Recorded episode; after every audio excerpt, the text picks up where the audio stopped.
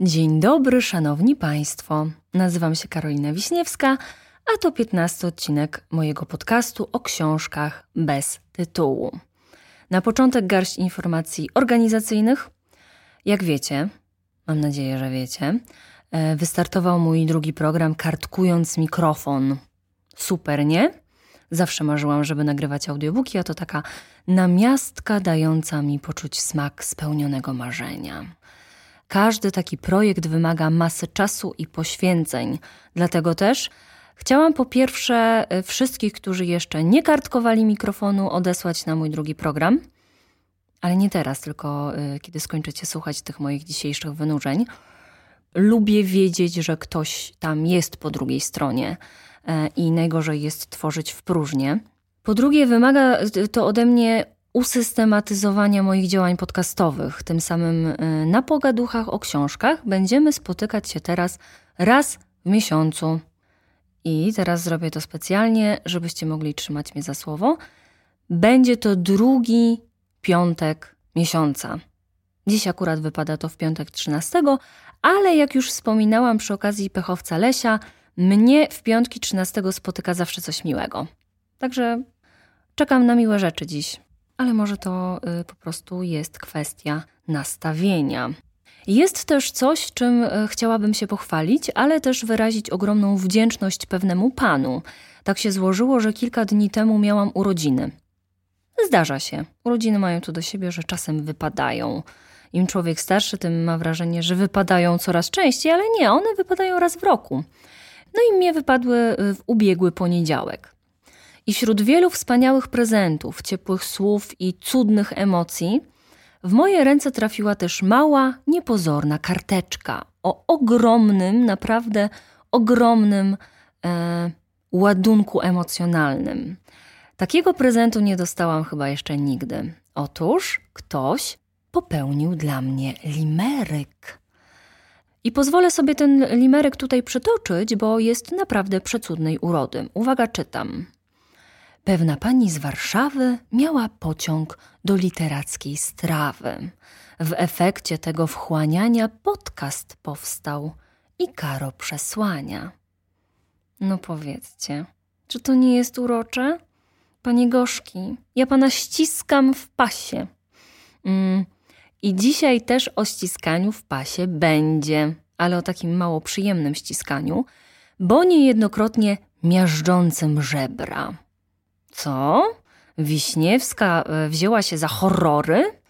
Nic bardziej mylnego. Ja poszłam w taką cudowną bajkę, która po dłuższej analizie okazała się przerażającą ułudą. Dziś będę demaskować, obdzierać z romantyzmu i zaglądać w miejsca, w które nikt zajrzeć by nie chciał. A to ściskanie w pasie tyczy się miejsce na przerażającą muzykę, gorsetów. Fajnie buduje napięcie. No, mam nadzieję, że fajnie. Dobra, dziś pochylamy się nad książką Therese O'Neill Niedyskretnik, czyli co dama wiedzieć powinna o seksie, małżeństwie i dobrych manierach, a o czym mówić nie wypada. Nie jest to poradnik, od razu zaznaczam, bo zaraz mi ktoś tutaj hipokryzję zarzuci, że przecież tyle razy psioczyłam tu na poradniki, a tu proszę. Nie, to jest książka, która jest podróżą w czasie. E, podróżuje natomiast każda kobieta, która po tę książkę sięgnie. Z XXI wieku trafiamy do czasów wiktoriańskich i musimy zmierzyć się z ówczesną rzeczywistością. Jest to zderzenie tym boleśniejsze, że my, kobiety XXI wieku, przepraszam panów, którzy mnie słuchają, ale akurat taki mamy dziś temat. Mamy wyprane mózgi powieściami opisującymi XIX wiek. Och, duma i uprzedzenie, rozważna i romantyczna, nie mówiąc już o tych toaletach, balach, książętach z filmów i seriali. Pewnie jakieś 80% z Was, e, drodzy słuchacze, ma za sobą e, Bridgertonów. Będę brutalna. Nie tak wyglądała rzeczywistość.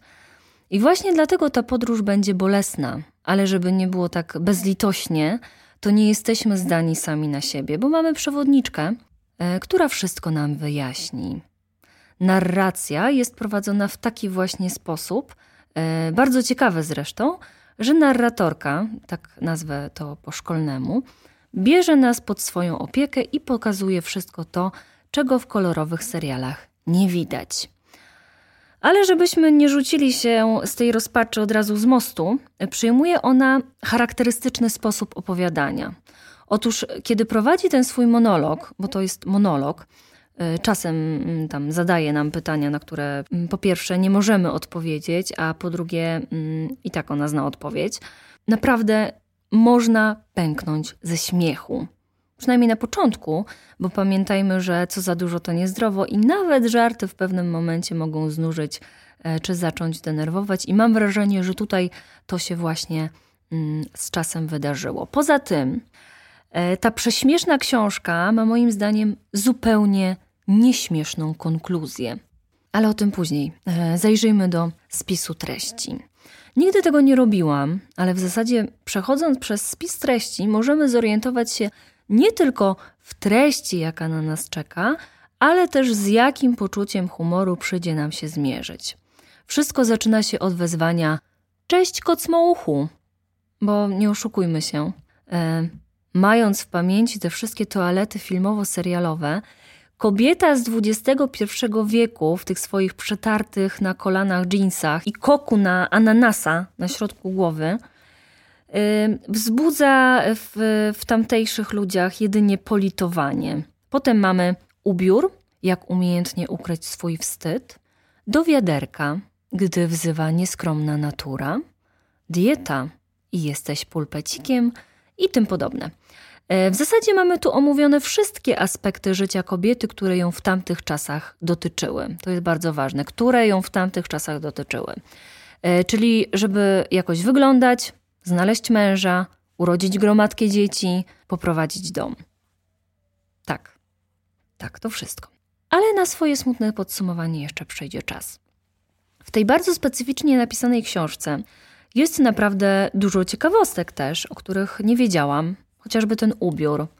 Zamknijcie oczy i wyobraźcie sobie kobietę XIX wieku. Te wszystkie toalety, suknie, jak się okazuje, też coś na kształt rusztowania podtrzymującego y, te tony materiału.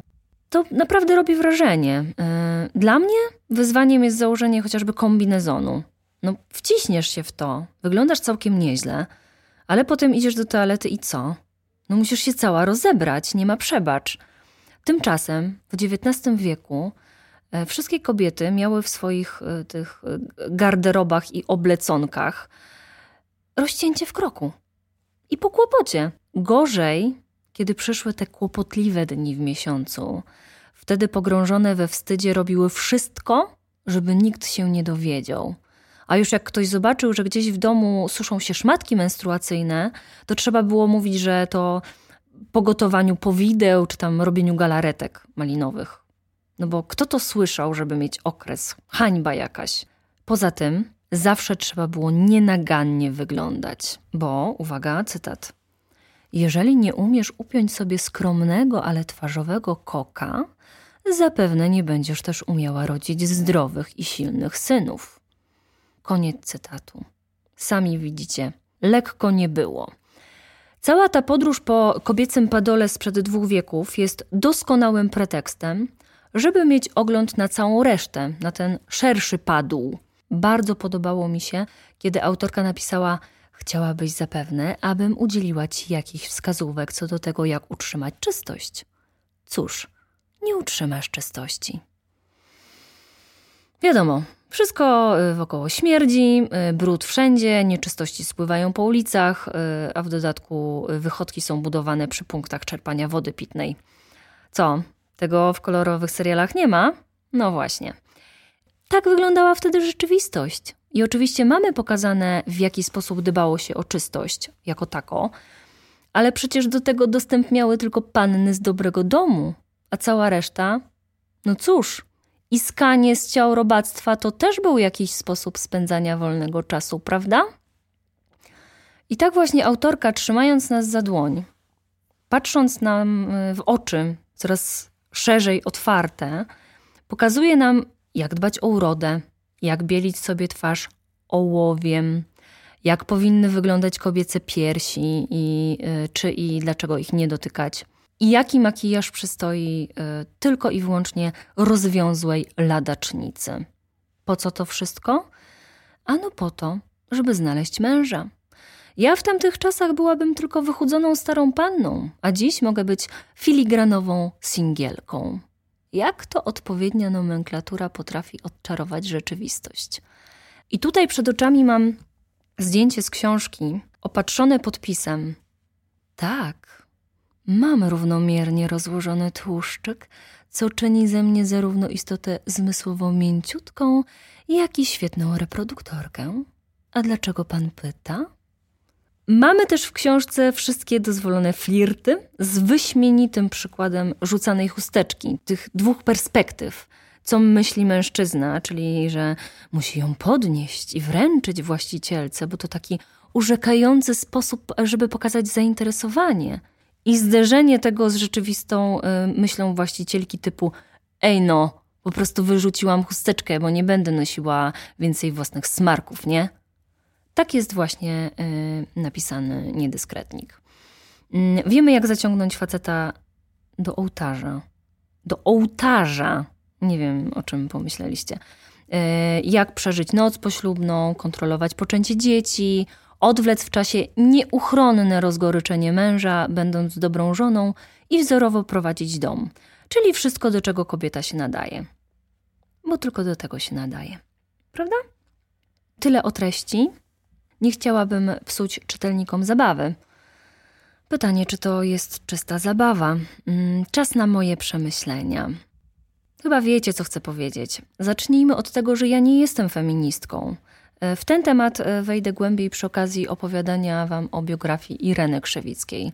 Mm, chodzi o to, że niedyskretnik pod przykrywką humoru i łez śmiechu, e, które no, czasem wywołuje, daje nam smutny obraz kobiety XIX wieku. Czytałam tę książkę i byłam zachwycona, rozbawiona. Ja naprawdę bawiłam się świetnie. Z kolejnymi rozdziałami natomiast narastała we mnie gorycz. Celem kobiety było tylko znalezienie męża, urodzenie dzieci, chodzenie na palcach, żeby wszyscy byli zadowoleni. Ten obraz jest niezwykle smutny, ale pokazuje też nam, jaką drogę przeszliśmy, żeby dziś kobiety mogły być w tym miejscu, w którym są. Pracujące, głosujące w wyborach, uczące się, samodzielne. Wracając jeszcze do moich urodzin, od kilku lat moim bliskim kobietom i sobie samej przy okazji y, urodzin życzę, żebyśmy były silnymi kobietami, ale żebyśmy nie musiały takimi być. Kobieca w cudzysłowie słabość ma swój romantyczny urok, ale kiedy jest taka potrzeba, kobieta potrafi znaleźć w sobie niesamowite pokłady siły do walki o własne prawa. Być może ta humorystyczna książeczka właśnie po to powstała, żeby w jak najmniej bolesny sposób pokazać czytelnikom, że siła jest kobietą. Ale pamiętam też taki fragment w rozdziale bodajże o menstruacji, kiedy opisane jest, że kobiety robiły to źle, i mężczyźni y, tłumaczyli im y, co i jak. No i oczywiście to jest oburzające, bo co taki facet może wiedzieć o menstruacji? Halo, nie zapominajmy, że kobiety nie miały wtedy żadnego dostępu do nauki. To mężczyźni mieli jakiekolwiek podstawy biologii czy kończyli szkoły medyczne. To, że niektóre ich um, konkluzje i, i, i wyniki myślowe były co najmniej absurdalne, to, to swoją drogą. Pamiętajmy, że Zofia Stryjeńska, nasza polska Zofia Stryjeńska, już w XX wieku dostała się na studia tylko i wyłącznie dlatego, że przebrała się za mężczyznę. Dziś mamy nieograniczone możliwości. Doceńmy to, korzystajmy z tego i chrońmy to. Nie sądziłam, że zrobi się tak poważnie podczas opowiadania o książce napisanej w tak humorystyczny i prześmiewczy sposób, ale to dowód na to, że każdą książkę można czytać na różne sposoby. Czasem nie warto zatrzymywać się tylko na e, powierzchowności, ale spróbować zastanowić się, czy na pewno wyssało się z tych zdań wszystko, na co było nas stać. I mnie chyba dziś stać tylko na tyle. Więc zmierzam ku y, końcowi. Cieszę się, że byliście ze mną. Czekam na Wasze wiadomości przesłane na kontakt małpa.karowiśniewska.pl. Dziękuję tym, którzy postanowili wesprzeć mnie na Buy Coffee. Mm, nieśmiało też e, pragnę poinformować, że link do mojej strony na Buy Coffee właśnie znajdziecie w opisie tego odcinka. Mm, I to tyle na dziś. Tu słyszymy się za miesiąc. W międzyczasie zapraszam nieustannie na kartkując mikrofon. Wszystkiego najlepszego.